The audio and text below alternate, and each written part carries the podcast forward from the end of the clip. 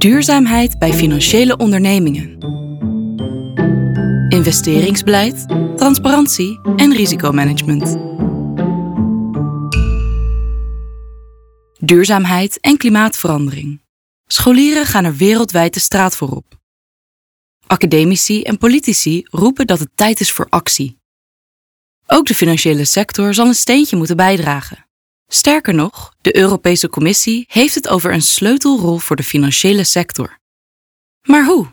In deze podcast legt Charco en Diek uit welke regelgeving rond duurzaamheid relevant is voor financiële ondernemingen en hoe uw onderneming invulling kan geven aan deze regels en normen. Wat mag er en wat moet er? We bespreken drie hoofdonderwerpen: investeringsbeleid, transparantie en risicomanagement. Ten slotte kijken we naar de toekomst. Welke regels komen er nog aan en hoe kunt u zich op deze regels voorbereiden? Een duurzamere economie zal zijn vruchten afwerpen, maar de overgang er naartoe kost juist geld. Veel geld.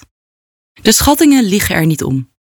Om tegen 2030 de EU-klimaat- en energiedoelstellingen te halen, moeten we ieder jaar maar liefst 180 miljard euro extra investeren in duurzaamheid.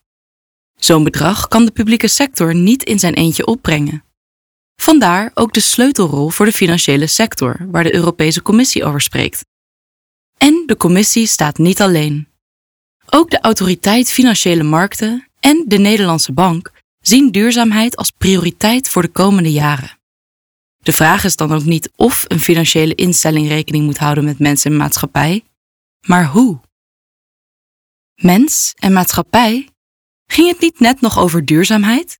Laten we inderdaad eerst beginnen met wat duurzaamheid nu precies is.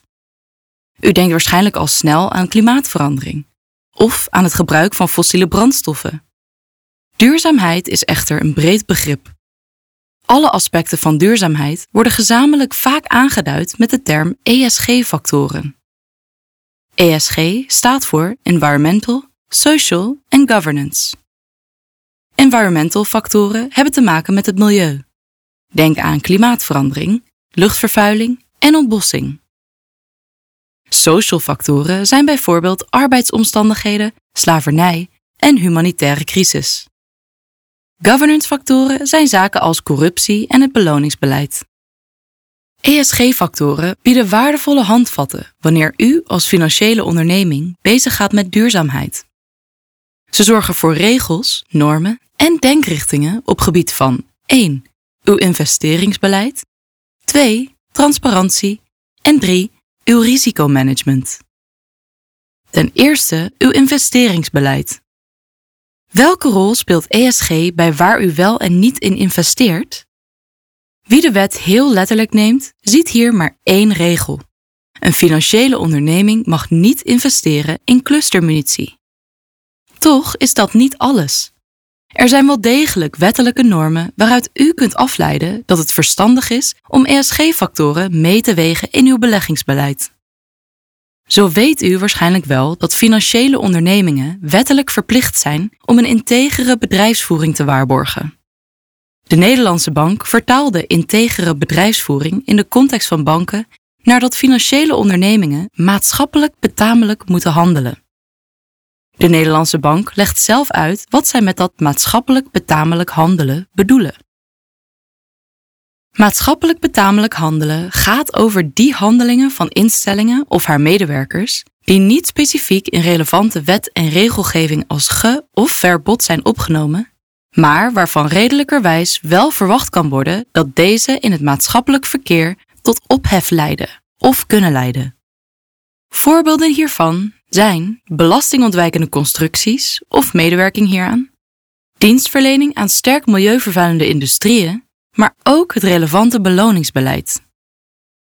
Met andere woorden, ook al staat het niet altijd letterlijk in de wet, van sommige activiteiten behoort u simpelweg te weten dat zij als maatschappelijk onbetamelijk gelden. Investeert u in bedrijven die lak hebben aan duurzaamheid, dan kan dat wel eens maatschappelijk onbetamelijk zijn. En dus schendt u mogelijk de regel die van u een integere bedrijfsvoering vraagt. Ook de wettelijke regels rond risicomanagement kunnen ertoe leiden dat u ESG-factoren moet meenemen in uw beleggingsbeleid. Hier komen we straks nog op terug bij het onderwerp risicomanagement. Eerst weer terug naar uw investeringsbeleid. Naast de wet zijn er mogelijk nog andere normen en regels waar u zich aan moet houden. Uw onderneming heeft zich bijvoorbeeld bij een initiatief of convenant aangesloten dat u verplicht met duurzaamheidsfactoren rekening te houden. Denk aan het IMVO-convenant voor de bankaire sector, het IMVB-convenant voor pensioenfondsen of de Principles for Responsible Investment van de Verenigde Naties. Uw onderneming kan tot slot ook partij zijn bij het commitment van de financiële sector aan het bereiken van de doelen van het klimaatakkoord. Ook dan zal uw onderneming in het beleggingsbeleid rekening moeten houden met de klimaatimpact van potentiële beleggingen. De kans is dus groot dat u tot de conclusie komt dat u inderdaad rekening moet of wilt houden met ESG-factoren in uw investeringsbeleid. Hoe pakt u dat vervolgens aan? Om te beginnen kunt u ESG-factoren meenemen bij het selecteren van de bedrijven waarin u investeert. U kunt bepaalde bedrijven actief uitsluiten, een best-in-class beleid voeren of kiezen voor impact beleggen. Veel investeerders voeren in ieder geval een uitsluitingsbeleid. Onder het motto Do No Harm kiezen ze ervoor nooit te investeren in bepaalde ondernemingen, sectoren of landen. Denk aan de tabaksindustrie of de productie van controversiële wapens. Wilt u meer doen, dan kunt u ook kiezen voor een best-in-class beleid. U investeert dan steeds in de meest duurzame bedrijven binnen een bepaalde sector of een bepaald land. Nog een stapje verder op het gebied van duurzaamheid gaat het zogenaamde impact beleggen. U kiest dan bewust voor specifieke beleggingen die positief bijdragen aan ESG-doelstellingen. Een mooi voorbeeld is het financieren van de bouw van een windmolenpark. Op deze manier heeft u environmental, social en governance factoren een plek gegeven in uw investeringsbeleid. Maar ook na de selectie van uw investeringen hebt u invloed op de ESG-impact van uw beleggingen. Deze impact heeft u door actief aandeelhouderschap, shareholder engagement. Gebruik uw stemrecht door ESG-vriendelijk te stemmen tijdens een aandeelhoudersvergadering of ga met bedrijven in gesprek over voor u belangrijke ESG-issues. Goed, u heeft bedacht hoe u duurzaamheid gaat verwerken in uw beleggingsbeleid. Dan is het nu tijd om dit aan de buitenwereld te vertellen. Dat brengt ons bij onderwerp 2. Transparantie. De Europese Commissie ziet transparantie als cruciaal in de overgang naar een groenere economie. Immers, als er geen informatie beschikbaar is over de duurzaamheid van een onderneming of product, kan de welwillende klant niet zoveel. Hoe kies je dan een ESG-vriendelijke onderneming uit om in te investeren? En hoe roep je een slecht presterende onderneming ter verantwoording? Voor sommige groepen financiële ondernemingen gelden al wettelijke eisen rond transparantie op het gebied van environmental, social en governance factoren. Dit zijn grote beursgenoteerde ondernemingen, organisaties die zijn aangewezen als organisatie van openbaar belang, pensioenfondsen en ondernemingen die zich vrijwillig hebben aangesloten bij initiatieven of convenanten. Eerst de grote beursgenoteerde ondernemingen en organisaties die zijn aangewezen als organisatie van openbaar belang. Deze moeten zich allebei houden aan de richtlijn over publicatie van niet-financiële informatie. Ze moeten ieder jaar een niet-financiële verklaring openbaar maken met een toelichting op hun beleid qua sociale, milieu en personeelsaangelegenheden, mensenrechten en het tegengaan van corruptie. Dan de pensioenfondsen. In de pensioenwet staat dat pensioenfondsen in hun jaarverslag moeten vermelden hoe in het beleggingsbeleid rekening wordt gehouden met milieu en klimaat, mensenrechten en sociale verhoudingen. Ook uit initiatieven of convenanten waar u zich vrijwillig bij heeft aangesloten, kunnen verplichtingen qua transparantie voortvloeien. Heeft u bijvoorbeeld uw handtekening gezet onder het commitment van de financiële sector aan de klimaatdoelen? Dan zult u vanaf 2020 moeten rapporteren over de klimaatimpact van uw activiteiten. Er zullen nog meer transparantieverplichtingen volgen. Er zitten namelijk nog een aantal voorstellen in de pijplijn. Die voorstellen moeten de transparantie op het gebied van ESG nog verder vergroten. Op deze voorstellen komen we later nog terug, wanneer we deze podcast afsluiten met informatie over nieuwe regels in de toekomst. Maar eerst onderwerp 3 op het gebied van environmental, social en governance factoren. Risicomanagement. Wist u dat de economische verliezen ten gevolge van extreme weersomstandigheden tussen 2007 en 2016 wereldwijd met maar liefst 86% zijn toegenomen? En dat bijna 50% van de risico's die banken in de eurozone lopen direct of indirect te herleiden is tot klimaatverandering? Het veranderende klimaat heeft invloed op de risico's die een financiële onderneming loopt.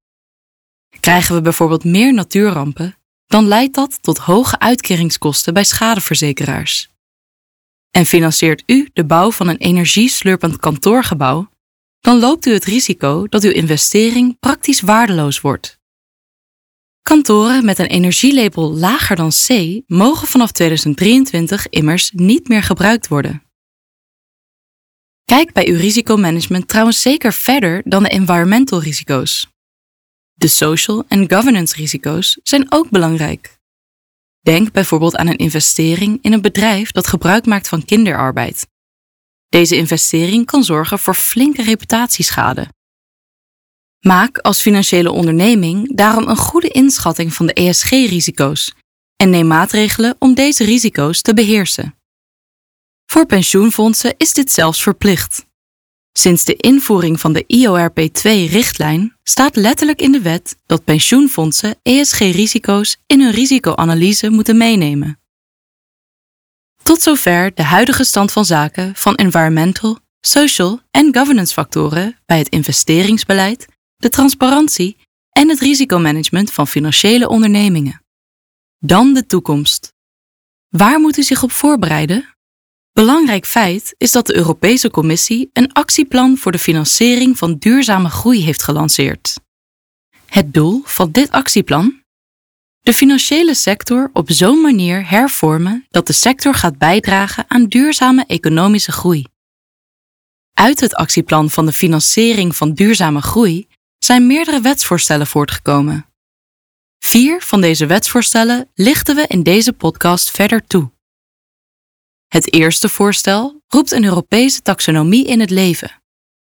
Momenteel is het nog niet duidelijk wanneer je iets groen, duurzaam of koolstofarm mag noemen. Zolang iedereen met zulke termen mag strooien, is het moeilijk te achterhalen welke investeringen nu echt een positieve ESG-impact hebben. Bedrijven kunnen zichzelf op de borst kloppen en zichzelf aan de buitenwereld verkopen als een duurzaam bedrijf, terwijl ze dat eigenlijk niet zijn. Dit wordt ook wel greenwashing genoemd. De taxonomie kan zulke greenwashing tegengaan. Per sector wordt vastgesteld wanneer je mag zeggen dat een economische activiteit goed is voor het milieu of het klimaat. De environmental factoren dus. In een later stadium zal de taxonomie ook normen opstellen die bepalen wanneer een activiteit goed scoort op het gebied van social of governance factoren. Voorstel 2 gaat over extra ESG-openbaarmakingsverplichtingen voor financiële marktdeelnemers, zoals vermogensbeheerders en institutionele beleggers. Deze financiële marktdeelnemers moeten voortaan transparanter zijn over hoe zij ESG-factoren meenemen in hun risicobeheer, in hun investeringsprocessen en in hun adviesprocessen. Zo moeten deze partijen bepaalde ESG-informatie op hun website gaan plaatsen. Ook moeten ze klanten precontractueel gaan informeren over de integratie van ESG-factoren. Ten derde is de Europese Commissie van plan om zowel de gedelegeerde verordeningen bij MIFID II als de richtlijn verzekeringsdistributie te veranderen. Deze wijzigingen zullen ertoe leiden dat beleggingsondernemingen en verzekeringsdistributeurs voortaan expliciet navraag moeten doen naar de ESG-voorkeuren van hun klant. Vervolgens moeten zij deze ESG-voorkeuren meenemen bij het selecteren van producten voor de klant. Bovendien moeten ze de klant informeren over hoe zij hun ESG-voorkeuren hebben meegewogen. De vierde en laatste toekomstige maatregel die we hier willen aanstippen gaat over de prudentiële regelgeving. De Europese Commissie overweegt namelijk om duurzaamheid in de prudentiële regelgeving op te nemen. Duurzaamheidsfactoren kunnen immers invloed hebben op het risico dat een onderneming loopt, zoals we ook al eerder in deze podcast vertelden. Op dit punt heeft de Commissie echter nog geen concrete stappen gezet. Het doel van kapitaalvereisten is dat de financiële stabiliteit van ondernemingen gewaarborgd blijft.